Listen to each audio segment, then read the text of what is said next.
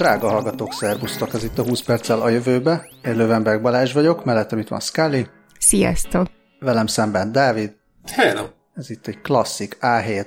Olyannyira, hogy a múlt héten volt B7, és a, a múlt héten a Neuralinkről beszélgettünk egy picit Dáviddal. Beszélgethetünk volna sokkal többet is, de annyi fért bele, viszont hát ilyen szerdai hír, vagy szerdai videó, amit még a jegyzetekbe is raktam be, úgyhogy még ti se tudtok róla, ha csak nem követitek Zsolnai Fehér Károly Two Minute Papers című YouTube csatornáját, hogy... Sajnos nem. Hogy, hogy Károly a maga részéről a Neuralinkről készített egy, hát saját magához képest hosszú videót, amennyiben nem két perces volt a videó, hanem jóval több, és ő, mint a mesterséges intelligencia és neurális hálózatok és hasonlók terén működő kutató nálunk egy millióval okosabban és technikai részletekbe belemenősebben beszélt arról, hogy miért nagy dolog a Neuralink, meg hogy mennyit haladt a projekt egy év alatt. Úgyhogy ezt érdemes megnézni, és majd berakom a jegyzetekbe, mint a heti B7 follow-upot. Ilyen, ilyen. Esetleg akinek van kontaktja a Zsolnai Fehér Károlyhoz, az mondja meg neki, hogy nagyon szívesen vennénk majd vendégként valamelyik műsorba. Egyébként majd én is megkereshetem, csak még egyre nem tudtam, hogy mégis mi lenne az. Tökő lenne egy köré rakni egy b lehet, hogy majd ezen, majd ezen dolgozunk egy picit. Ezek szerint akkor organikusan még nem jutottunk el Károlyhoz, reméljük, hogy ez minél előbb megtörténik. Sok-sok follow-up az elmúlt, hát nem is tudom, talán három hétből, ezen szaladjunk végig, hát sőt, nem is három hétből, hanem akár tavalyról, mert Ferenc, aki ön saját bevallása szerint Tamás is, meg Gábor is egyszerre, hallgatta a 2019 februári adást, amiben beszélünk arról a, az orosz űrszondáról, vagy hát sőt, szovjet űrszondáról, ami a következő években esetleg ránk eshet, és méltatlankodik a kedves hallgató, ennek sok neve van önbevalláson alapulva is, hogy azóta nem volt follow-up, és hogy tőlünk akár nyugodtan a házába is csapódhat, mert nem szóltunk. és, és tényleg, ha már follow ígértünk, akkor, akkor igazán megtehetnénk ezt, és küldött is nagyon kedvesen egy linket egy műhold követő blogról. Nem tudtam, hogy léteznek műhold követő blogok, de ezek szerint léteznek, és ez a blog a Leideni Sat Track Cam műhold követő állomásról blogol, és, és írnak erről a Cosmos 482-es műholdról. Bocsánat, de Dávid, én most nagyon, nagyon nagy szürtyögést hallok felőled. Scully, ezt te is hallod? Ö, valamit én is hallok. És tudod, honnan tudod, hogy Dávidtól jön? mert, mert tőle szokott jönni. Dávid, itt vagy velünk? Én, én abszolút itt vagyok veletek, és a, mindenért a Sony mérnökeit tudom felelőssé tenni, akik a Bluetooth-os fülesem mikrofonját furára csinálták meg, de biztosítatok... akkor reméljük, hogy mi, ez nem megy bele a rendes Biztosítatok mikrofon. mindenkit, hogy az Audacity grafikonja szerint nagyon szép a hangom. Na, jó van. Szóval visszatérve, ennél sokkal nagyobb probléma lehet, hogyha a fejünkre esik a Cosmos 482-es, nem tudom milyen, Descent Craft le- leszálló modul, vagy valami. Am, ami, am, ami elég fura, mert akkor ezek a derék szovjetek valami nagy trükkre készültek ezzel, hogyha ebben leszálló modul is van. Hát ráadásul ez akkora, akkora ilyen kis paradox, ellen, nem tudom, lehet, hogy az ellenség félrevezetése, hogy az a neve, hogy Descent Craft, de valójában a felszálló modulja annak a Vénusz szondának, ami, ami 1972-ben szállt volna le a Vénuszon, vagy hát legalábbis próbált volna, feltételezem, valameddig eljutni a Vénuszon, amíg el nem pusztul a nagyon kellemes, ugye már említettem, nagyon kellemes légkör után következő pokolban. De aztán az történt, hogy, hogy földkörüli pályán maradt, mivel, mivel valami, valami rosszul sült el. Tehát nem jutott el a Vénuszig, és akkor az van, hogy ugye ahogy, ahogy szépen hát nem tudom, hogy hívják ezt, az orbital decay, tehát ahogy fogy el a, a, az energiája, úgy szépen, mondom, csökken a keringési magassága, és előbb-utóbb belép a légkörbe, és annyira, tehát akkora, akkora nagy a nem csak, nem csak a mérete miatt, hanem azért is, mert ugye a Vénusz légkörébe való belépésre, illetve a leszállásra tervezték, tehát a földi légkörbe való visszalépést is túlélheti, és akár Ferenc, Gábor vagy Tamás házára is eshet a következő hat évben. Azért reméljük, Azért valósz... nem fog bekövetkezni. Reméljük nem valószínű, hogy az óceánba esik. Mm, igen, nagyon szorítunk, és én csak azon gondolkoztam, hogy vajon ebben a 2019. februári adásban ígértük, hogy mikor lesz follow-up, mert az is lehet, hogy akkor 2025-ben elmeséljük, hogy senkinek nem esett a házára, és akkor az már a, a tökéletes follow-up minden információt tartalmaz. Ez igaz, de azért addig se ha szép dolog kétségek közt vergődni hagyni a drága hallgatókat, úgyhogy... Ez így van, pláne azt a hallgatót, aki meghallgat ilyen másfél évvel ezelőtti adást is. Köszönjük ezúton is Ferenc Tamás Gábor. Én még amit kiemelnék a Settrackem oldaláról, hogy megköszönöm nekik a Space Archaeology kifejezést, ami űrrégészetté magyarítható legjobban. Nagyon szépen kérek mindenkit, aki, aki esetleg ilyesmivel foglalkozna, legyen benne annyi humor, hogy ezt magyarul űrheológusként, vagy űrheológiaként hivatkozik erre. Jaj, ez csodálatos. És volt már ez szarheológia is. Így, majd lassan egy egész alternatív tudományos akadémiát össze tudunk rakni. Nagyon állat. És ismét szerintem megígérhetjük a follow azzal a kitétellel, hogy legközelebb akkor lesz follow-up, hogyha valamelyik hallgató küld nekünk follow-up linket. Ezzel áthárítjuk a felelősséget, de természetesen azért nézzetek fel, majd hat év múlva, nehogy ha esetleg rátok esne, akkor lépjetek arrébb, és utána küldjetek e-mailt. Na, ezt bezárva, már is lépek az agrárszektor oldalára, de majd később lépek az agrárszektor oldalára. Az agrárszektor figyelmeztet, hogy ne maradjak le semmiről, és notification akar nekem mutatni, de egyelőre inkább üdvözlöm Martint. Martin írt nekünk az Okos Farm projekt fejlesztési vezetőjeként. Tehát ez elképesztő. Nem. Szóhoz nem jutunk. És, és felállva tapsolunk szerkesztőségileg, hogy a hájtájnészet rovat, rovatunk termőre fordult.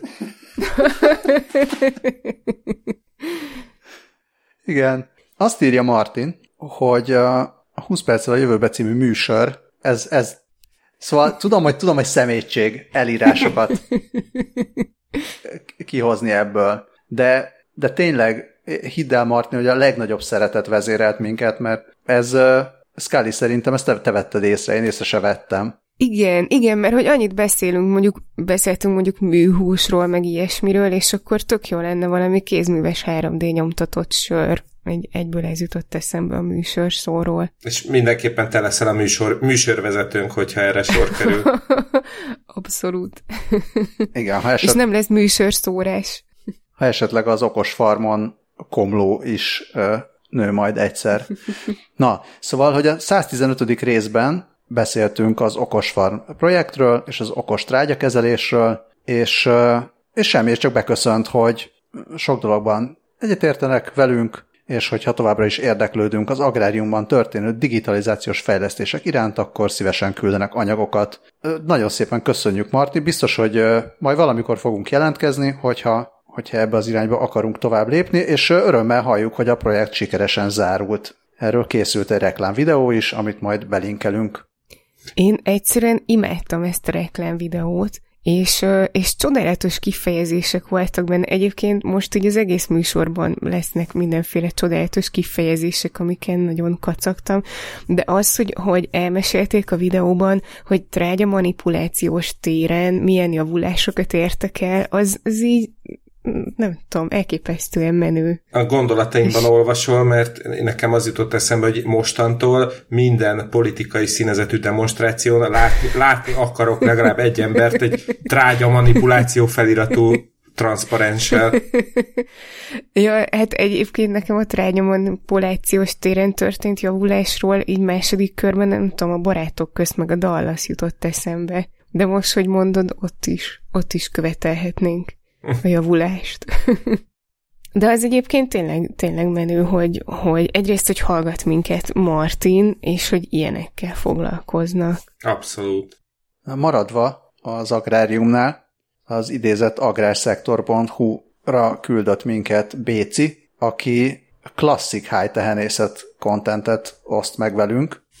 Abszolút. Mondjuk a cím az kicsit félrevezető azzal, hogy itt a zöld tej tényleg ez fogja megmenteni a bolygót a katasztrófáról, te, katasztrófától. Ti is ilyen penészes tejet képzeltetek el arra, hogy a zöld tej Abszolút, illetve nekem a, az, az csillagok háborúja jutott eszembe, ahol ilyen kékes-zöldes lötyöt szoktak inni, amit ráadásul a valamelyik későbbi folytatásban ennek a fejési mozzanatait is láthatjuk, amit igazán nem kellett volna, de hogy igen, szóval nekem az, az jutott eszembe a zöld tejről.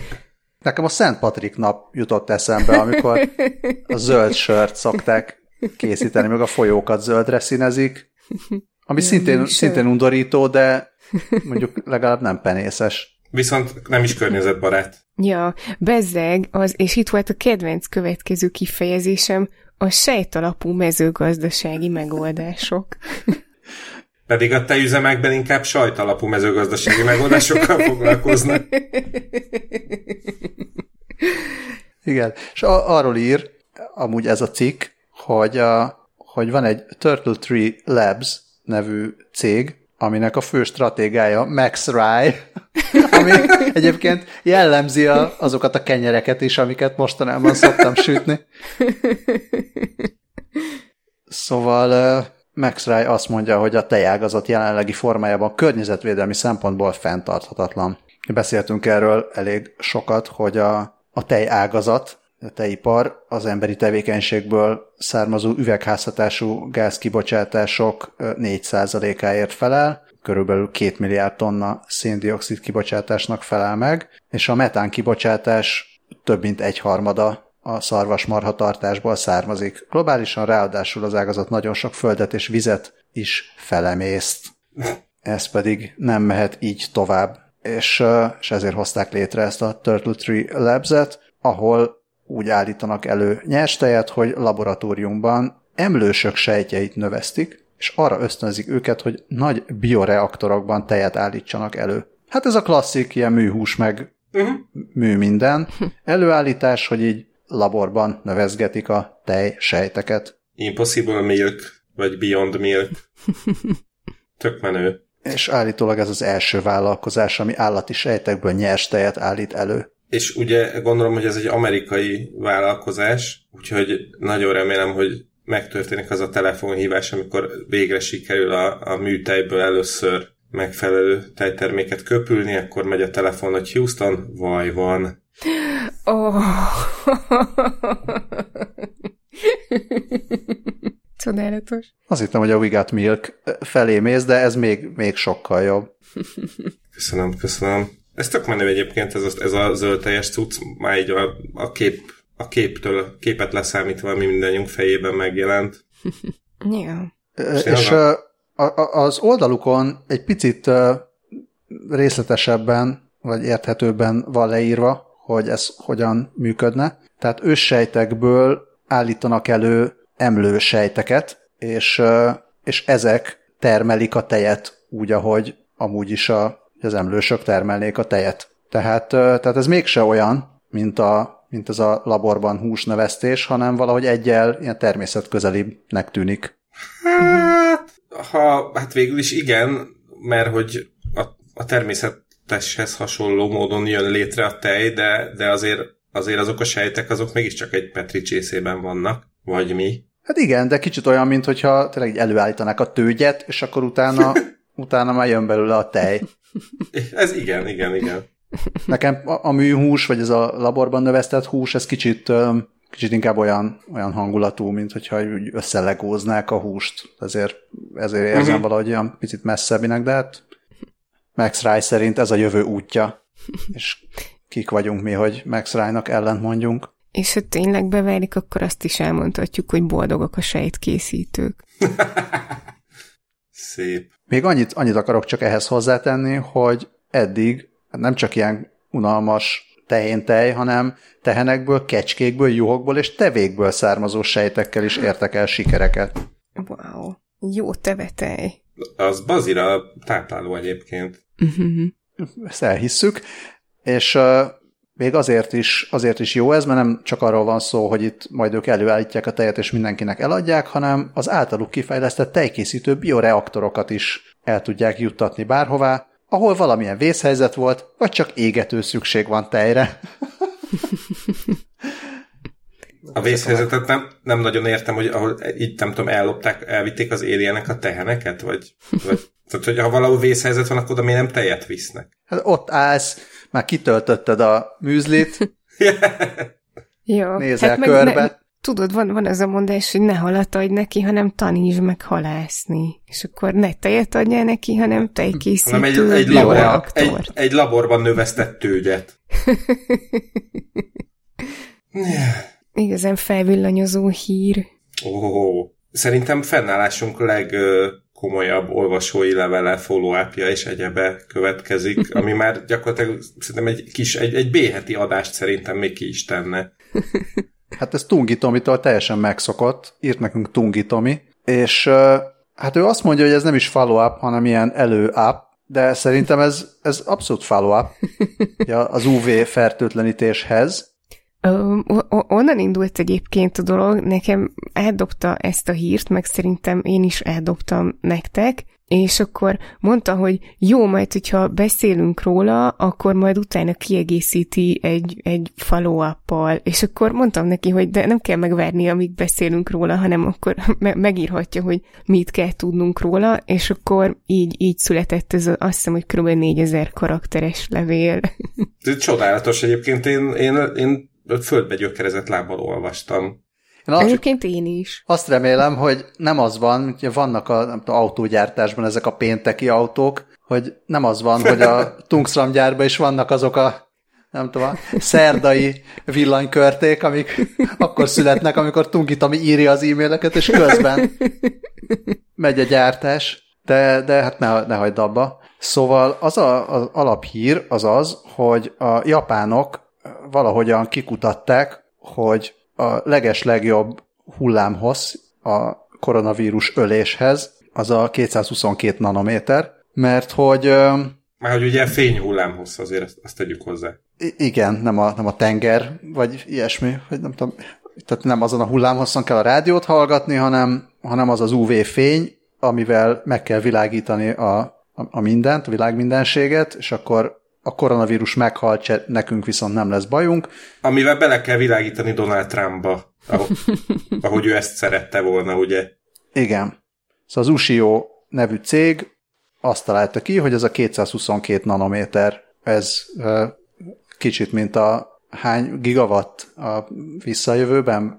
1,21. Egy- 1,21 század gigawatt, tehát hogy ez a, ez a varázslatos szám, hogy ez öli a legjobban a koronavírus, de az, az embereknek pedig ez a legkevésbé bántó. És az egyetlen probléma pedig az, hogy mármint ami Tungi Tomi és más szakértők számára érdekes, mi pedig nem is gondoltunk volna bele, hogy ez nem úgy megy, hogy akkor beállítom, hogy 222 nanométeres legyen a, a fény, hanem, hanem ezt ki kell kísérletezni, hogy mi az az anyag, amit ha gerjesztenek, akkor ilyen fényt ad ki. Én ezt gyorsan elolvasom, amit írt, néhol rövidítve, mert szerintem érdekes. Szóval, a hagyományos kisülő lámpában higanyt használunk, őt gerjesztjük per piszkáljuk, és cserébe ad nekünk nagyon jó hatásfokkal 254 nanométer hullámhosszon fényt. És ö, mitől függ a kisugárzott hullámhossz? Itt idéz Tomi a saját diplomamunkájából. Látható sugárzás a világítás technikai szempontból érdekes fényforrásokban mindig az elektronok energia állapotának megváltozása révén keletkezik. Az elektron egy magasabb energiaszintről egy alacsonyabbra ugrik, és az energiakülönbség sugárzás útján távozik. Az elektronok az alapállapotnál nagyobb energiaszintre külső forrásból felvett energia hatására kerülhetnek, ezt nevezzük gerjesztésnek, és gerjesztés egy adott atomon vagy molekulán belül csak meghatározott energiákkal történhet, ugye ezt jelenti azt, hogy az energiaszintek kvantáltak, és, és ezért a gerjesztett állapotból egy kisebb energiaszintre, vagy az alapállapotba való ugráskor a sugárzás frekvenciája is csak meghatározott értékeket vehet fel.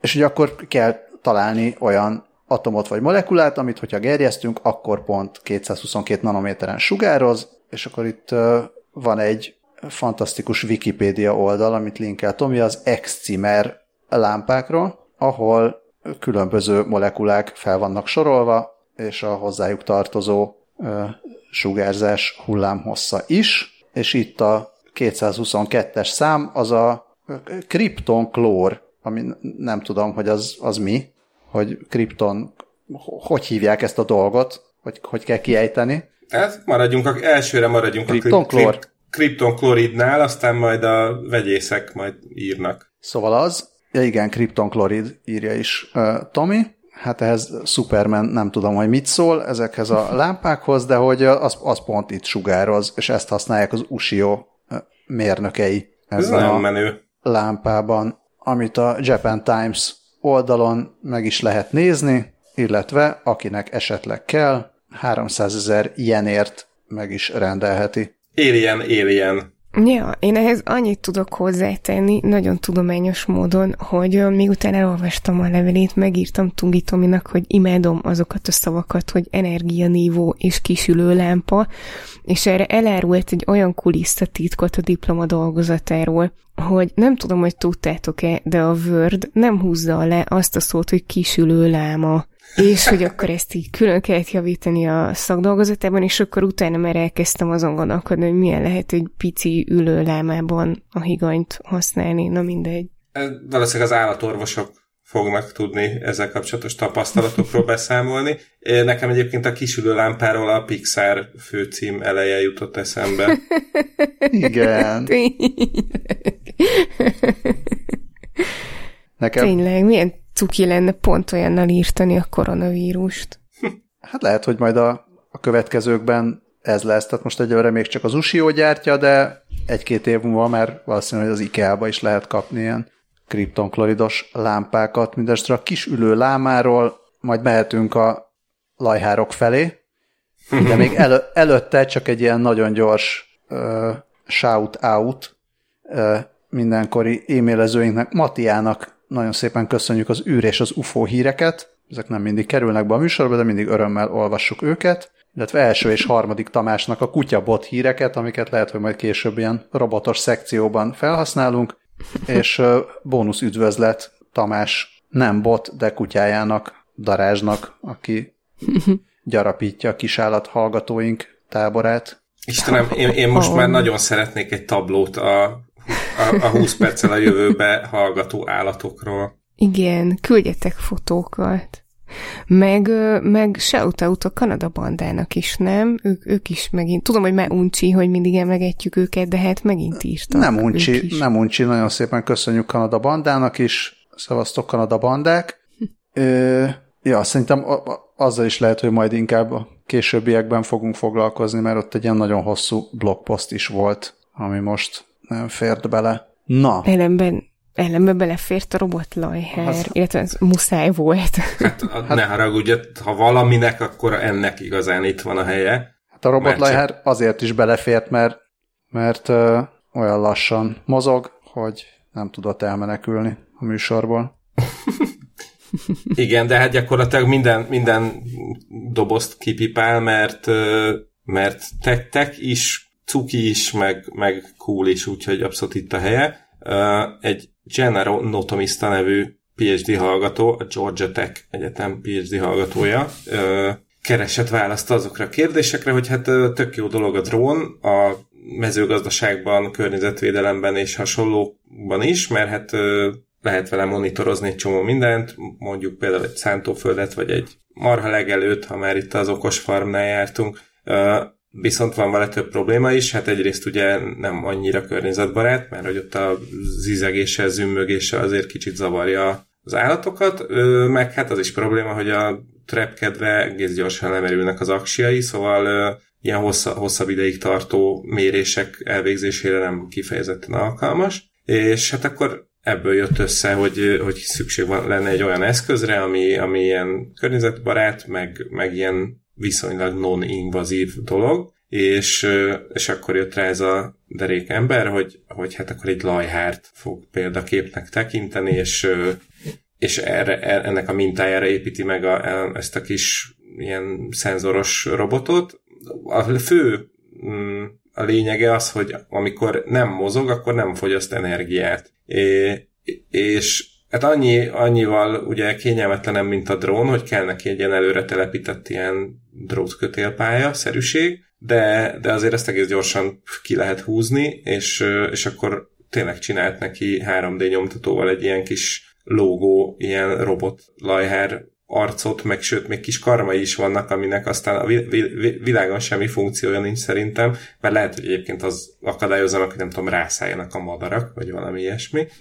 És akkor szépen lóg ezen a drótkötélen a kis lajhár, végzi a méréseit, és aztán ö, amikor meg, megtelt a memóriája, vagy elvégezte a szükséges méréseket, akkor egy mobil net segítségével továbbítja az adatokat, egyébként napelemes, szóval nem fog menet közben lemerülni, de hát ugye amikor meg nem is mozog, akkor minden ö, motorját lekapcsolja, úgyhogy akkor aztán tényleg alig fogyaszt energiát. A, az, azt szeretné, hogyha a következő verzióban, a, ami a, a slotbotnak hívják, ugye a robotlajhert, és most már készül, vagy már tervezi a 2.0-es verzióját, amiben már olyan alacsony energiájú műholdas kommunikáció lesz, ami azt is lehetővé teszi majd, hogy akár olyan helyre is ki lehet ezt a cuccot helyezni, ahol nincs mobil lefedettség. Annyira remélem, hogy a 2.0-nál mert eszébe fog jutni az az elnevezés, hogy slot machine. Igen. Igen, és bedobom még a jegyzetekbe, mert az eredeti, eredetileg a Boeing Boeingon találkoztam ezzel a csodálatos eszközzel, de aztán megírtam magyarul is, és akkor uh, a cikkbe került egy videó is, amin hát nem, nem is hosszan, de azért meg lehet nézni mozgás közben is ezt a csodálatos szerkezetet. Hirtelen megnéztem a, a General Anatomista saját oldalán is a projekt leírását, és ott sokkal kevésbé cuki, eleme sokkal sárgább ez a lajhárbot, és már azzal akartam gyanúsítani a Boeing Boeingot, hogy valami teljesen máshonnan származó cuki lajhárszerű ízével illusztrálta a, a teljesen másról szóló cikkét, de, de nem, hanem csak arról van szó, hogy Notomista a saját oldalán megmutatja a belső szerkezetét ennek a Lajhár robotnak, és az a prototípus, ami jelenleg egy atlantai kertben működik, az tényleg ilyen, tényleg már ezen a, ezzel a cuki külső héjjal rendelkezik, amilyen kavai szemek, meg ilyen kis mosolygó száj, meg, meg karmok, meg ilyesmik is vannak rajta, úgyhogy minden visszavonva. Majd hogy fog csodálkozni, amikor ez így megszalad Japánban, és minden japán kisgyerek ilyen robotlajhert kér majd karácsonyra? Szerintem korábban beszéltünk olyasmi megoldásokról, talán a ilyen málnaszedő, meg, meg hasonló szüretelő robotoknál, amik szintén ilyen dróton mozogtak, úgyhogy de ettől függetlenül is tök érdekes az a, az a megoldás, ezért is érdemes megnézni a Notomista oldalán, hogy hogy hogy működik ez, hogy oldja meg azt, hogy, hogy ne csak egy vonalon tudjon mozogni, hanem mondjuk ilyen kereszteződésben át tudjon menni egy másik irányba. Szóval hajrá, hajrá, hajrá slotbot. Egyébként is érdemes a tudomány és a technológia iránt érdeklődőknek körülnézni Notomista munkásságában, mert itt elég komoly dolg, kutatásokkal foglalkozik. Van itt például olyan, ami a játékelmélet és a önvezető autók összehozásánról szól, ami már önmagában megérne egy, egy tettolkot, hogy nem tudom, szívesen meghallgatnám, hogy miket gondol erről. Na de hogyha Amerikában lajhárbotokat fejlesztenek, akkor nálunk meg lehetne Puli meg Commodore bot. Eljött nálunk mesterséges intelligenciát fejlesztenek. Nemzeti mesterséges intelligenciát. Ajaj. Ja, képzétek el, ez keddi hír, ma írta meg a HVSV a Stakinak a közleménye alapján, hogy az Innovációs és Technológiai Minisztérium azt jelentette be, hogy összesen 18 darab nemzeti laboratóriumot indít, és ebből kettőt a Staki a, fog irányítani, ami a Számítástechnikai és Automatizálási Kutatóintézet, és az egyik mesterséges intelligenciával, a másik autonóm rendszerekkel foglalkozik, Mm, egyébként a többi laborról is így próbáltam infót keresni, de csak annyit találtam, hogy hogy nyáron jelentették be, hogy összesen 18 fog indulni, és a mesterséges intelligencián és autonóm rendszereken kívül még az éghajlatváltozást és a virológiát emlegették, úgyhogy izgatottan várjuk, hogy mi lesz még. És akkor ami most elindul, az a, az egyik a Mesterséges Intelligencia Nemzeti Laboratórium, röviden MILAB, amiről azonnal eszembe jutott, hogy ennek reklámarca lehetne Milab Jovovics, és ő lehetne a magyar Skynet Johansson. Na és akkor próbáltam megfejteni, hogy, hogy így miket fognak csinálni, és nekem nem tűnt túl kézzelfoghatónak, amiket uh, itt írtak a közleményben, de én voltak benne, hogy elősegíti és finanszírozza a témával kapcsolatban a publikációk és szabadalmak létrehozását, a technológia transfert és az ipari kapcsolatokat, meg elvileg összekapcsolják még a területen dolgozó kutatókat, és képviselik őket a piaci és a nemzetközi projektekben, és akkor még, ott így, még itt így felsoroltak ilyen területeket, amikkel, amikkel foglalkoznak, mint ö, mélytanulás, a matematika alapjai, természetes nyelvfeldolgozás, gépi érzékelés, orvosi egészségügyi és biológiai alkalmazás, biometrikai alkalmazások, személyes adatok védelmét biztosító adatfeldolgozó technológiák, ez különösen jól hangzik ilyen nemzeti kézben, agrár és élelmiszeripar, közlekedésgyártás és feldolgozóipar és távközlés. Mm, az autonóm rendszerek laboratórium meg majd mobilitással foglalkozik, és azon belül önvezető járművekkel, légijárművekkel, mobilok mobil robotokkal és autonóm gyártórendszerekkel.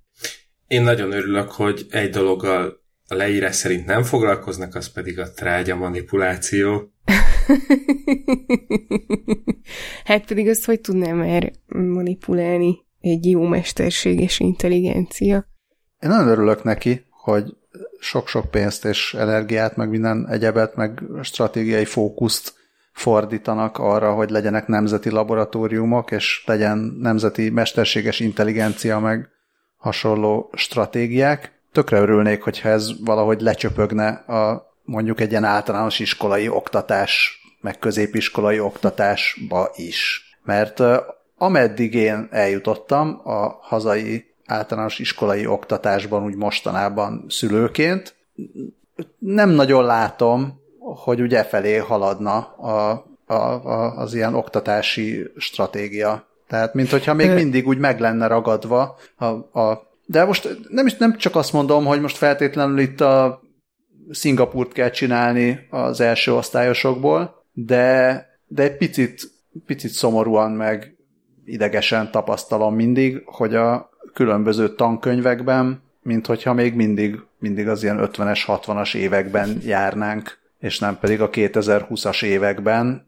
Már csak olyanokon is, hogy tehát amikor arról van szó, szóval nem, nem az zavar engem, hogy, hogy, hogy mondjuk miért foglalkoznak a tehát nem, nem, na, szóval nem, nem azt akarom, hogy itt most uh, teljes izé libernyák hatalomátvétel legyen, meg ilyesmi, hanem például, amikor arról van szó, hogy a család, meg a nagymama, meg a nagypapa, meg nem tudom, anya, meg apa, meg az akármi, akkor az a környezet, amit mutatnak, az nem egy 2020-as környezet, hanem mondjuk egy 60-as évekbeli környezet, amikor azt mondják, hogy számítógép, meg autó, meg akármi, az nem egy 2020-as számítógép, meg autó, meg akármi. Tehát, hogy ez, ez az, ami, ami egy picit amin egy picit úgy érzem, hogy minthogyha a gyerekeket így vissza akarnák nyomni a múltba, de valahogy a kutatásban pedig úgy látom, hogy mégiscsak az a cél, hogy ott legyünk a jelenben meg a jövőbe, és nem látom, hogy a kettő hol ér össze.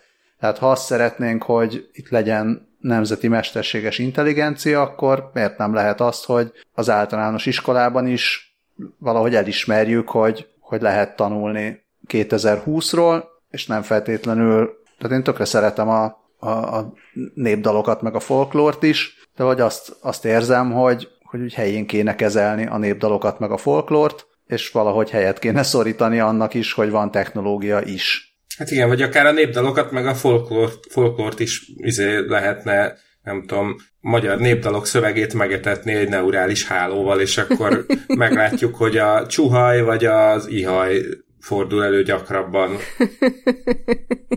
Most ezt én viccen kívül, tehát... Yeah. És írhat, írhat saját névdalokat. Balázs, így az elmondásod alapján szerintem te nem is a mesterséges intelligenciát hiányolod a magyar oktatásból, hanem már a természet, természetes intelligenciát is. Igen, de nem, azért nem, nem, az, nem, ez nem intelligencia kérdése, Tudom. hanem ugye nemzeti, nemzeti stratégia meg egyebek kérdése, de, de ja. Uh-huh. Ja, igen, um, azt elfelejtettem mondani, mert pláne úgy még jobban, még, még jobban hiányzik, hogy máshol is jusson, hogy összesen a 18 laborra 14 milliárdot költenek. Hát ha jól számolom, abból, abból már majdnem kijönne egy darab plakátkampány, nem? Végül is. Na, hát megvannak, megvannak a prioritások, az a lényeg. Hát. Egy három heti közmédia. Igen. Igen. Jó, hát figyelj. Szerintem, szerintem simán ebből, ebből azért összehozhatnak valami jó kis önvezető autót, ami legalábbis arra jó lesz, hogy a közúti ellenőrzés elől gyorsan elmeneküljen. hát nem árt belehúzni, mert ezen a téren az Egyesült Államok már, már előttünk jár. Történt ugyanis szeptember 17-én Kanadában. Sziasztok Kanada banda, esetleg majd ha, ha, ha hallottatok erről ti is, akkor a fejleményekről majd tájékoztassatok. Szóval... Igen, mindenképpen írjatok, nem úgy értettem, hogy uncsi, hogy írtok, mindig örülünk neki. Bocs, hogy közbevágtam, mesélj, Dávid. Szóval Kágáritól északra Ponoka nevű kisváros környékén történt, hogy egy Tesla Model S-re felfigyelt egy rendőr, mert az 140 kilométeres sebességgel közlekedett, üldözőbe is vették, és az autó felgyorsult 150-re. De hát az volt a probléma, hogy a rendőrök is látták, hogy a, az autó tehát konkrétan önvezet, mert azt lát, látták, hogy a két utas mintha aludna, mert a, az üléseik se hátra voltak döntve, és így látszólag nem nagyon foglalkoztak az autó vezetésével. Szóval a Tesla fogta magát, és megpróbált meglógni a rendőrök elől, ami hát ö, problémás, mert ö, azt mondta ö, Gary Graham, akinek az a titulusa, hogy SAPT, vagy SUPT. Hát, ez a superintendent, nem? Ja, superintendent, jó, jó, jó, igen, nem, igen, jogos, mert mindig elfelejtem, hogy Kanadában ilyen, ilyen brit ö, katonai rangokat használnak, meg egyeb, egyebeket. Szóval azt mondta, igen, Gary Graham kapitány, mondjuk így, hogy bár a gyártók az új, új autókba mindenféle biztonsági eszközöket beépítenek, amik megakadályozzák, hogy, hogy a felhasználók, az utasok ki, kijátszák a biztonsági berendezéseket, de ezek akkor is csak ilyen kiegészítő rendszerek, nem, és a, az önvezető rendszerekhez ugyanúgy szüksége van az autóvezető felelősségvállalására, mint egy sima autónál. Úgyhogy a 20 éves sofőrt aztán végül elkapták, és 24 órára be is vonták a jogosítványát, decemberben pedig a bíróságon kell számot adni a tetteiről. Icipici uh, lábjegyzet, hogy itt a csodálatos Kanada, ugye azt írják, hogy 20 éves ember British, Columbia, British Columbiából, amit úgy rövidítenek ugye, hogy BC, tehát egy, egy 20, 20 éves ember időszámítás előttről, erről azonnal egy film jut eszembe, aminek nem jut eszembe a címe, de volt ez, amikor a kőkorszaki embert kifagyasztották, vagy mi, és akkor a fiatal ember ott próbálkozott a modern életben. A Póli sor, ja, soros vagy... filmre gondolsz? Fogalmam sincs, melyik filmre gondolok. Egyiket se láttam, de valami ilyesmi sztoria volt. nekem, egy, tehát hogy ez tök jó pofa ez a hír, nekem egy, egy dolog hiányzik belőle, hogy, hogy így oké, okay, ez megtörtént, de hogy miért történt meg? Igen, uh-huh. igen, tehát ez, hogy, hogy van benne az önvezető autóban, hogy menjen 140-nel, valamint, hogy felgyorsuljon akármitől 150-re. Hát illetve hogy nincs abba benne, hogyha azt látja, hogy a mögötte lévő autó jól láthatóan a kék-piros villogóval érkezik, akkor lelassít, lehúzódik, megáll. Mondjuk pont uh, tegnap láttam egy ilyen fotót, vagy egy ilyen hírt, sajnos nem volt időm uh, rögzíteni, úgyhogy ezt most higgyétek el nekem, a valamelyik amerikai nagyvárosba fotóztak egy Teslát, ahogy éppen satuféket nyom egy busz mögött. nem kellett volna így tennie, csak a busz hátsó oldalán egy ilyen azért, embernek a fotója volt, életnagyságúnál kétszer nagyobb, és, és a deréktól csak felfelé látszott, de a Tesla valamiért azt hitte, hogy egy ember áll előtte. Oh. A, ami nekem több szempontból is fura, mert hogy akkor, akkor nem érzékelte, hogy egyébként van előtte egy busz. Úgyhogy hát ilyenek ezek a, ezek a Teslák. Ezt majd megpróbáljuk megkeresni, nem? Vagy vagy csak beteszünk Ö... jegyzetekbe, hogy higgyétek el Dávidnak? Me- me- megpróbálom majd előásni. A, a, hát... a Twitteren láttam, és nagyon gyorsan elment, úgyhogy a Google, Google lesz a barátom, de, de reméljük, hogy jóban vagyunk, és akkor sikerülni fog. Hát azzal főzünk, amink van. Jaj, de szépen mondtad, igen. Na, igyekeztem. Hestán mire gondolsz? Heztán, nem lesznek ilyen félrebeszélt hírek, csak a, csak a kőkemény valóság. Uh, igen, van egy okos serpenyő, vagyis hát egész pontosan egy okos főzőrendszer, uh, amit Hestan Q-nak hívnak, illetve egy Hestan Q nevű cég uh, fejlesztette ki, és ne, mivel ugye gastro cuccról van szó, nem bírtam kihagyni a Hestan Blumenthal emlegetését, ugye? Úgy néz ki ez a cumo, hogy egy gyakorlatilag egy indukciós, mi ez, ilyen... Főzőlap. Főzőlap, igen, köszönöm. Egy indukciós főzőlap, és a hozzátartozó serpenyő készletről van szó, de, de annyi a, az okosság benne, hogy ezek a serpenyők már mind ilyen okos eszközök, vagy IoT eszközök, és van, tartozik hozzá természetesen egy app is, ami, amin keresztül elkészíthetjük a mindenféle finomságokat. Mindent össze kell kapcsolni mindennel, és onnantól, hogy ez megvan, akkor ez, a, ez az app, ez egy ilyen, ez ilyen gyakorlatilag hülye biztos módon végigvezet lépésenként, hogy mikor mit kell csinálni, most ezt ebbe a serpenyőbe ennyi időre tett bele, most ezt abba a serpenyőben futtasd meg ö, ennyi ideig, és, és akkor a végén gyakorlatilag ilyen hát majdnem, hát ilyen fine dining-szerű ö, kajákat lehet előállítani, mindent be lehet állítani, hogy hány adagot készítesz, ö, milyen hőfokra kell elő illetve, illetve nem is az, hogy milyen hőfokra kell előmelegíteni a főzőlapot, mert azt ő elintézi magától, csak megmutatja, hogy és akkor most előmelegítjük, nem tudom, 220 fokra, szól is kedvesen, amikor, amikor ez megtörtént, és akkor már egyből mondja is, hogy és akkor most ezt tedd bele, azt tedd bele, ilyen sorrendben ezt csináld, így kavard, és így tovább. Három darab serpenyő jár hozzá, a kis főzőlap, meg az app.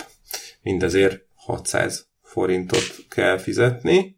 Dollárt. Dollár, igen, bocsánat, 600, yeah. do, 600 dollárt kell most fizetni, hogyha lecsap, az, lecsapnak a drága hallgatók a Boeing Boeing akciójára, mert egyébként 900 dollárba kerül ez a cucc, úgyhogy csak itt, csak most, csak nektek 300 dolláros kedvezménnyel megvásárolható az okos ö, holmi. Én azért még úgy vakat, tehát, hogy igen, tehát, hogy látom azt a, nem tudom, New Yorki jól, jól eleresztett aglegényt, aki, akinek ez segítség, de azért, azért aki úgy főzöget, sütöget, az, annak azért egy hosszú távon ez nem feltétlenül bár persze a kényelmi funkciók, hogy szól, amikor elérte a konkrét hőfokot, meg akkor is szól, amikor lejárt az idő, e, ezek, se, ezek kényelmesek, tény és való, de azt nem hiszem, hogy csak ezért valaki azért 600 dollárt, vagy, ki, vagy pláne 900-at ki fog fizetni. Én az, azt próbálom megtalálni, hogy mi, miben ad ez többet, mint egy, mint egy főzős YouTube videó. Tehát, hogy ott ugyanúgy lépésről lépésre megmutatják, hogy mit kell csinálni. Oké, a YouTuber nem fogja neked bekapcsolni a sütőt, meg hogyha te kétszer akkora adagot szeretnél főzni, mint a, mint a YouTube szakács, akkor magadnak kell kiszámolnod, hogy mennyi kétszer annyi, mert mennyi mindent kell beletenni, de, de, de nem, nem, nem látom, hogy, hogy ez miért érne meg ö, nyilván a termékeken kívül 600 dollárt. Hát a 600 dollárt én se, az app, app azért elég jó pofa, tehát hogy ott így tényleg ott van egy helyen a mi kell hozzá, így kell megcsinálni, ennyi fokon, ennyi emberre kattintgatsz ide-oda, ami nyilván nem ér 600 dollár, de az, az, az app része az tök jó. Uh-huh. Hát ö, jó. most csak így gyorsan a 600 dollárt átszámolva, jó, 180 ezer forint, mondjuk, 190. Ö, nem tudom, hogy ezért jár-e valami örök életű előfizetés az összes receptre. Mondjuk, hogy igen, illetve, hogy ezek a, ezek a serpenyők, amik járnak hozzá, azok mennyire, tehát maga a serpenyő, itt nem látom, hogy ez okos-e. Tehát ez csak serpenyőnek tűnik, meg lábasnak. Tehát azt nem tudom, hogy a saját serpenyőmet felrakhatom-e, amennyiben használható indukciós főzőlappal, de mindezeken túllépve szerintem annyival több még ez az egész, mint, mint az, hogy nézed a YouTube videót, hogy a főzőlap kommunikál az applikációval és a, és a recepttel, vagy az elkészítési folyamattal. Tehát visszajelzést kapsz arról, hogy most éppen hol tart a, persze ez, azt nem tudom, hogy a hőmérsékleten meg az időn túl még mit néz, de ha csak ezt nézi, akkor, akkor nem a, tehát lehet, hogy a, a videón valami 5 perc, de a te lakásodba, meg azon a páratartalmon, vagy azon a ö, alap hőmérsékleten 4 perc, vagy 6 perc. És akkor... Ja, mert hogy ilyeneket is tud figyelni? Bocsánat, ezt nem, nem figyeltem. Hát szerintem, hát szerintem ezt igazából nem az, hogy ilyeneket is, hanem, hanem ezt figyeli. Azt figyeli, hogy Aha. ez a főzőlap most 300 fokos. Uh, és bocsánat. akkor most, most ragd rá a, nem tudom, most dob be a hagymát. Bocsánat, uh-huh. pontosítanom kell, mert nem a főzőlap okos, hanem az edények. A, hogyha le, le, a Boeing Boeing cikkében rákattintottak a 600 dolláros linkre, akkor átdob a store.boeing-boeingra, és ott le van írva, hogy, hogy akkor pontosan mit tartalmaz a csomag, és ott van, uh-huh. hogy, mhm. hogy az indukciós főzőlap az egy sima indukciós főzőlap, és egyébként a 11 incses, a 3,5 kvartos, és illetve az 5,5 kvartos okos edény az az a az az okosság benne. Tehát az, azok kommunikálnak az appal. Aha. Igen? Ezt hol írja? Hát, hát én legalábbis csak erre gondolok abból, hogy a, az induction cooktop előtt nem szerepel a smart szó, a, a potok és penek előtt meg igen. Hát lehet, hogy azért, azért nem szerepel, hogy nehogy már azt gondolt, hogy a saját lábasodat is rárakhatod, hanem tőlük vegyél smart potot, de én viszont amikor ránézek erre, akkor csak egy sima rozsdamentes acél, vagy nem tudom miből van ez, lábas serpenyőt, meg ilyesmit látok, és de hát a fene tudja, nem tudom, hát valaki rendeljen már egy ilyet, és akkor mondja meg, hogy most akkor pontosan mi kommunikál mivel, de tegyük fel, hogy akármi is van, akkor is az van, hogy, hogy a YouTube videó az úgy létezik, ugye a semmiben, ez az app pedig, ha jól értem, figyeli, hogy éppen hol tart a, a kajád, és a, a, a szerint lép a következő lépésre, tehát, tehát tényleg megpróbál teljesen hülyebiztos lenni. Annyira nem tud hülyebiztos lenni, hogy most a, a zöldbab, hogy a te zöldbabod az, az úgy viselkedik-e, mint az ideális, milyen platóni zöldbab, vagy pedig, vagy pedig máshogy, és akkor mégiscsak egy fél percet tovább kell rotyogtatni, vagy nem. Jó, hát ez, ez lehet, hogy ez lehet, hogy nem követhető, vagy ennyiben azért nem teljesen hülye biztos, de de hát másban igen. Az egy dolog, amit én hiányolok ezekből a videókból, az a mosogatás. Azt mutassák meg, hogy igen. amikor leragad az a szar, akkor, akkor utána mit csinálsz vele, és elrontja az okosságot, hogyha beáztatod három napra, és utána szanaszélyes súrolod. Ja, de tényleg mi van akkor, hogyha annyira okos az app, hogy azelőtt szól, hogy leragadna? Úgy, úgy mer érdekel? Hoppá. Hmm. És közben most... Úgy, úgy, mert abszolút elhiszem, hogy van létjogosultsága. És közben most nézem, hogy a, a legkisebb ö, edényhez is már jár 100, több mint 175 videós recept az appon keresztül, a közepeshez több mint 190, és a nagyhoz meg több mint 300. Wow. Csak azért rengeteg az, az pénzt kell fizetni. Ja, ja úgy, úgy érted, hogy rengeteg pénzt kell fizetni? Értem, mert Ö, hát ö, lehet, hogy telik annak, aki, aki itt így a nehezenek a pályázatán ö, sikeresen, vagy jó, tehát, hogy aki a nehezenek a pályázatára nagyszerű ötlettel jelentkezik. Megmondom őszintén, hogy ö, ezt a hírt leginkább a pályázat neve miatt tettem be, mert azt a nevet adta a NASA, hogy What's on the Moon, és az a lényege, hogy szeretnének arra különféle módszereket találni, hogy hogyan lehet a legjobban áramot termelni és tárolni a Holdon, illetve felhasználni a kezelését az energiának, mert hogy a Holdon nem működnek azok a hagyományos energiaellátási rendszerek és módszerek, mint a Földön, és 5 millió dollárt, vagyis mintegy másfél milliárd forintnyi pénzt fizetnek. Ami ugye mennyi? Akkor Az egy labor, plakát kampány, vagy egy labor. ja, igen. Úgyhogy Úgyhogy hát a neve mellett azért gondoltam még, hogy érdekelheti a hallgatóinkat, mert tök menő hallgatóink vannak, és hogyha esetleg valamelyik hallgatónk ilyen csodálatos ötlettel tud jelentkezni. És amerikai uh, állampolgár. Ja, és amerikai állampolgár. Sziasztok, Kanada banda és, és a többiek. Kanadaiak. Tudom, tudom, de hát ha az ő hallgatóikon keresztül. Na jó. Ö, szóval, hogy ö, Szóval, hogy az a lényeg, hogy szerintem, hogyha, hogyha a 20 perccel a jövőbe podcastban hallottatok erről az egészről, akkor egy százalékkal igazán megdobhatnátok minket. Hát simán lehet egyébként, mm. hogyha ha valaki nem amerikai állampolgár, szerintem, hogyha van valami nyerő ötlete, akkor biztos talál egy amerikai állampolgárt, akivel közösen tud nevezni. Ja, így, így, bár egyébként, öm, tehát hogy igazából ez a másfél milliárd forint, ez az őszdíjazás, és a, a három legjobb az egyenként 100 ezer dollárt kap, és négy további pályázatot 50-50 ezer dollárra jutalmaznak. Te figyelj, én azzal a, az, a 100 ezer dollár egy százalékával is ki sok kicsi sokra igen. megy. Azért már tudnál igen, venni igen. egy HESZ, izért, mi az? HESZ-tunt, vagy mi az? Hesztánt. Hesztánt. Tán, tán egyet tudnál venni, vagy kettőt. De egyébként különösen úgy, hogy az előző adásban, azt hiszem nem, nem a múltkori b hanem az az előttiben meg is mondtuk a megoldást. Vagy lehet, hogy még az egyek korábbi volt, amit be lehetne most küldeni a názának, a, hát, hogy ott van a Holdon az a rengeteg jég, azt tessék szépen hidrolízisnek alávetni, és akkor lesz, be, lesz belőle energia. Bár nem, ez fordítva van már a hidrolízisben. Na jó, tehát, na értitek, na ott a sok víz, ott a sok víz lehet belőle áramot csinálni, adjátok ide a pénzt.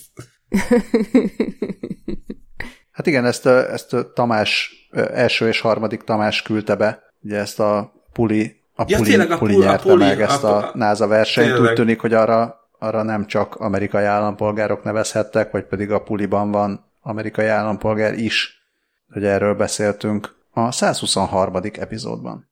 Wow. Te ennyire visszalátsz az előző adásokba, meg a múltba? Igen, a Ctrl F segítségével. Én viszont ismét a Boeing Boeing segítségével néztem vissza a múltba, ugyanis egy ö, ilyen izé, IT archeológiai szempontból tök érdekes dolog történt három nappal ezelőtt. Uh, van egy Zuse Z4, igen, ja igen, mert igen, ö, nevű számítógép, ami a, a legöregebb, jelenleg is még létező, működő digitális számítógép, uh, amit hát a nácik fejlesztették ki, és a szovjet megszállók elől, amikor a Wehrmachtot evakuálták Berlinből, akkor ezt a gépet is elvitték Göttingenbe. Egy Konrad Zuse nevű ember volt a feltalálója, aki Zuse. a világ első... Zuse! Ja, tényleg, bocsánat, igaz, elnézést. Már régen volt a német nyelvvizsgám. Szóval Konrad, Herr Konrad Zuse, a világ első programozható számítógépe, a Z-Dry kifejlesztője, ő, ő, ő alkotta meg a, a négyes változatot is, de aztán ismét el kellett menekülnie a szövetségesek elől, és na mindegy, a lényeg az, hogy össze-vissza hurcolázták ezt a szerencsétlen gépet, és hát ott a második világháború környékén, ahogy ez lenni szokott, ott azért úgy eltűnedeznek dolgok, és a lényeg az, hogy a, a gép a Zürichi alkalmazott matematikai intézetbe került, és ott porosodott a öt, több mint 50 éven, vagy hát nem is több, több mint 70 éven keresztül a, a használati utasítása ennek az eszköznek, ami baromi vicces, mert jól látom, ezt még rendesen írógéppel csattogtatták össze. É, és hát akit érdekel az a, a teljes sztoriát ennek a, a dolognak, a, a Wilson találja meg, de onnan még sokkal mélyebbre lehet eljutni, a, mert a, acm.org-on van ö, egy, egy sokkal hosszabb ö, és referenciákkal német nyelvű ö, könyvekkel, újságokkal és egyebekkel kiegészített leírás. Mindenki, mindenkinek ajánlom. Igazából ez csak egy ilyen kis érdekességként dobtam be, hogy az eszembe se jutott volna például, hogy már a második világháború előtt létezett digitális számítógép, de, de tessék. És Konrad Zúzéről még az az érdekesség derülhet ki, hogyha az ember bőszen kattingat, hogy ő tervezte az első magas szintű programnyelvet digitális számítógépekre, amelynek a neve akár egy jó kis progrok e, zenekar neve is lehetne, az, hogy Plan Calcul. Csodálatos. Pedig igazán lehetett volna Cúze Linux is. Nagyon szép. Na de ha már a múltba, egy jó kis Farmville-es hír. Igen, igen, hát ez igazából a nekrológ rovatba kellett volna ezt az elején említeni. Mai, ez a tegnapi hír, hogy szomorú, szomorú egy generáció iskolai és irodai szórakozása szakad meg, ugyanis 2020 december 31-ével nem csak az évnek lesz vége, de a Farmville-nek is, miután a Zinga, a fejlesztő cég ezt ma bejelentette, hogy 11 év után búcsúznak a Farmville-től. Nekem ez azért volt meglepő, mert én, én esküdni mertem volna, hogy az már korábban is létezett, illetve óriási meglepetés volt, hogy mi, még egyáltalán van Farmville. Könyörgöm írjon az a hallgató, aki még Farmville-ezik az eredeti Farmville-el. Igen, ugyanitt még élő teveklubos tevék gazdáinak jelentkezését is várjuk az ismert elérhetőségeken. Küldjetek fotókat a 20 perccel a jövőbe podcastot hallgató tevéitekről. Vagy farmjaitokról. Egyébként itt, itt jegyezném meg, hogy a Farmville fejlesztő Zinga az egyik első nagy mocsok volt az interneten, mert, mert ők irgalmatlan mennyiségű adatot húztak be mindenkitől, amik, aki játszott a farmville vagy a Mafia wars vagy az összes hasonló ilyen játékkal. Most még gondolkodtam itt a Teve Klub meg a Farmville mellett, hogy mik voltak ezek a rettentő őskori játékok. Rém lett valami ilyen Vágó Istvános kvízjáték az Index környékéről. Észkerék. Az észkerék, tényleg. Igen. Hát eszembe nem jutott Igen, volna a neve. Hát én játszottam vele sokat, én is, és örültem. ennek ellenére. ja, ö, jó, hát én nagyon sok mindent elfelejtek, de a felesleges dolgokat meg tudom jegyezni, és még arra is emlékszem, hogy volt olyan dicséret, hogy te vagy a fény az éjszakában. Amikor valami nagyon jót válaszoltak, kréneket mondott. Van androidos észkerék. nem akarok ebbe belegondolni. Viszont ha már, a, ha már a múlt, ez is ilyen utolsó másodperces bedobás volt a jegyzetekbe részemről. A Twitteren jött elém egy ilyen, ez, ez a mit tennél, ha típusú kérdés, hogy ha egy évvel visszamehetnél a múltba, akkor, akkor mit csinálnál, illetve hát ugye ez a, tudnál-e bármi olyasmit csinálni, amivel a jelenlegi járványhelyzetet megakadályozod, vagy vagy legalábbis csökkented. Én ezzel tök sokat gondolkodtam, amióta, amióta ez így előjött, nem tudom, pár, pár napja. Uh-huh. Nekem az volt az első gondolatom, hogy Zoom részvény, de ahogy nézem, itt így többen, többen vagy erre, vagy, vagy az alkoholra, vagy a, itt ezt nyomják még. De az is lehet, hogy a denevérevés kéne betiltani, vagy kellett volna. Mi valószínűleg előrébb hoztuk volna a lakásfelújítást. Mert ugye pont a, a, úgy terveztük, hogy pont a járvány első hulláma söpörte el. Nincs bal este jutottál valamire? Nem, hogy tényleg szerintetek így nem, tehát nem, nem lehetne, tehát ugyanúgy ugye e, előre senki nem hinné el, hogyha azt mondod, hogy hát javaslom, hogy esetleg a határokat zárjuk le már decemberben. Igen, hát ez a, ez a tipikus izé, ilyen jövőből jöttem para, hogy, hogy akkor tehát tök okos vagy, meg tud, tudsz egy csomó mindent, ami ott és akkor értékes tudás, csak senki nem fogja elhinni. Hát jó. Hát még szerencsé, hogy nincsen időutazás, ezt sose fogjuk megtudni. Mondjuk igen, a, a, ez, a, ez a nem meglepő, tehát ez a Zoom részvények, meg a hasonlók. Inkább az, hogy ez mennyire, mennyire egy ilyen, jaj, hát a média mostanában állapota, hogy nem tudnál egy olyan hír forrás lenni semmilyen módon, ahol, tehát a, nem, ahol, ahol így jobban elhiszik az emberek, hogy, hogy, hogy érdemes arra hallgatni. Hát igen. Most, hogy már annyi mindent tudunk, még most is egy csomóan azt gondolják, hogy nem érdemes ilyenekre hallgatni. Ja, úgyhogy kedves időutazók, csak vegyetek, vegyetek részvényeket, és támogassatok minket a Patreonon. Hát akkor e- ezekből a részvényekből vegyetek hesztánt. Na jó van. Ez, ez, ezek fértek most bele. Szeretnéd, hogy elmeséljem, amit cseten írtam, mielőtt elkezdtük? Ezt már is felejtettem. Mit írtál csak annyi, annyi, csak, hát csak szóltam, hogy kész vagyok, és annyira kész vagyok, hogy eszembe jutott a készülés közben, hogy az őrült űrkutatók lakhelye a bolondok náza. Ámen. Nagyon szépen köszönjük a hallgatást ennek ellenére. és a, az e-maileket is, meg a nevünkben leadott pályázatokat a NASA különböző projektjeire. Hírlevél feliratkozásokat. Van hírlevelünk. A hírlevél az arra kell, hogy ne függjünk már Zuckerbergtől és a világ gonoszaitól. Egyelőre egész jól működik, én azt, azt vettem észre. Nem mondom, hogy hipergyorsan nő a feliratkozók száma, hanem inkább olyan kis csordogálósan növekszik, viszont valahogy a, a hírlevéllel is elérjük azt, amit elérünk a Facebookkal, és én ennek örülök. Így, így. Úgyhogy ezt is nagyon szépen köszönjük, üdvözlünk minden kisállatot, vigyázzatok magatokra, ne unatkozzatok, szervusztok! Sziasztok! Hello!